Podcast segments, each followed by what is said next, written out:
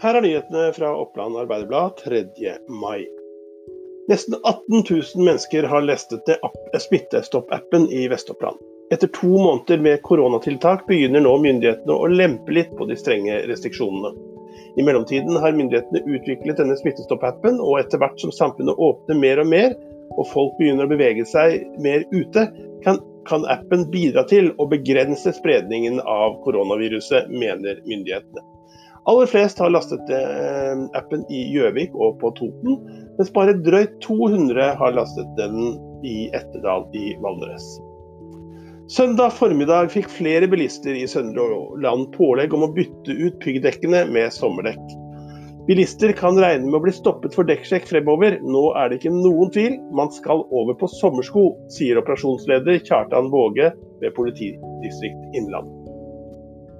Går alt etter planen, setter Industribygg AS spaden i jorda i høst til et nybygg på campusområdet på NTNU.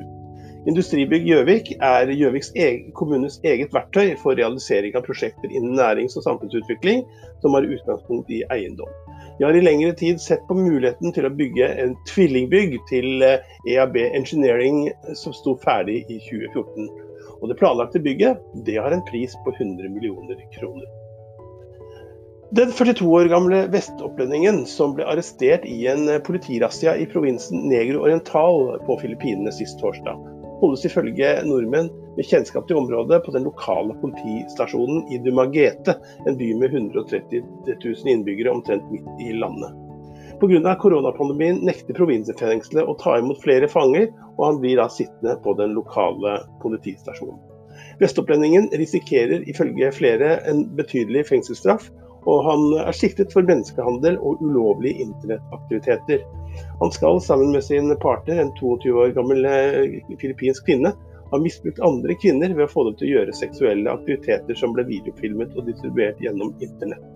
Ifølge politiet på Filippinene er mistanken at han skal ha drevet denne aktiviteten i en tre års tid, og eh, at de skal ha gjort det fra ulike steder i landet.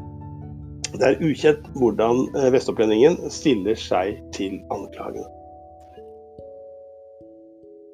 Nedstengningen av reiselivet slår knallhardt ut. I Øystre Slidre er hver sjuende arbeidstaker nå arbeidsledig. Ferske tall fra Nav viser at 301 personer er arbeidsledige i reiselivskommunen Øystre Slidre. I nedstengningen av store deler av reiselivet på Beitostølen har slått knallhardt ut på statistikken. Ledigheten på 16,4 er langt over snittet for Innlandet, som nå er på 9,3 Også Nord-Aurdal havner langt over snittet med sine 394 arbeidsledige. Dette utgjør til sammen 11,3 av arbeidsstyrken.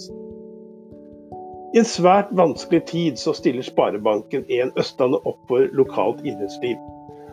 SK Gjøvik-Lyn, Gjøvik Hockey og Gjøvik HK får alle nå ekstra koronamidler.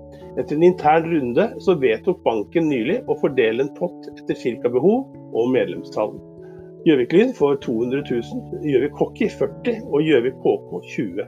Også OA skal snart dele ut penger, totalt 900 000 kroner. Og Dette var noen av de nyhetene du finner i Oppland Arbeiderblad i dag. Du kan laste ned flere nyheter på oa.no, eller eh, på, eh, få ned OA-podden, som du kan laste på på de stedene du laster ned podkaster. På gjensyn i morgen.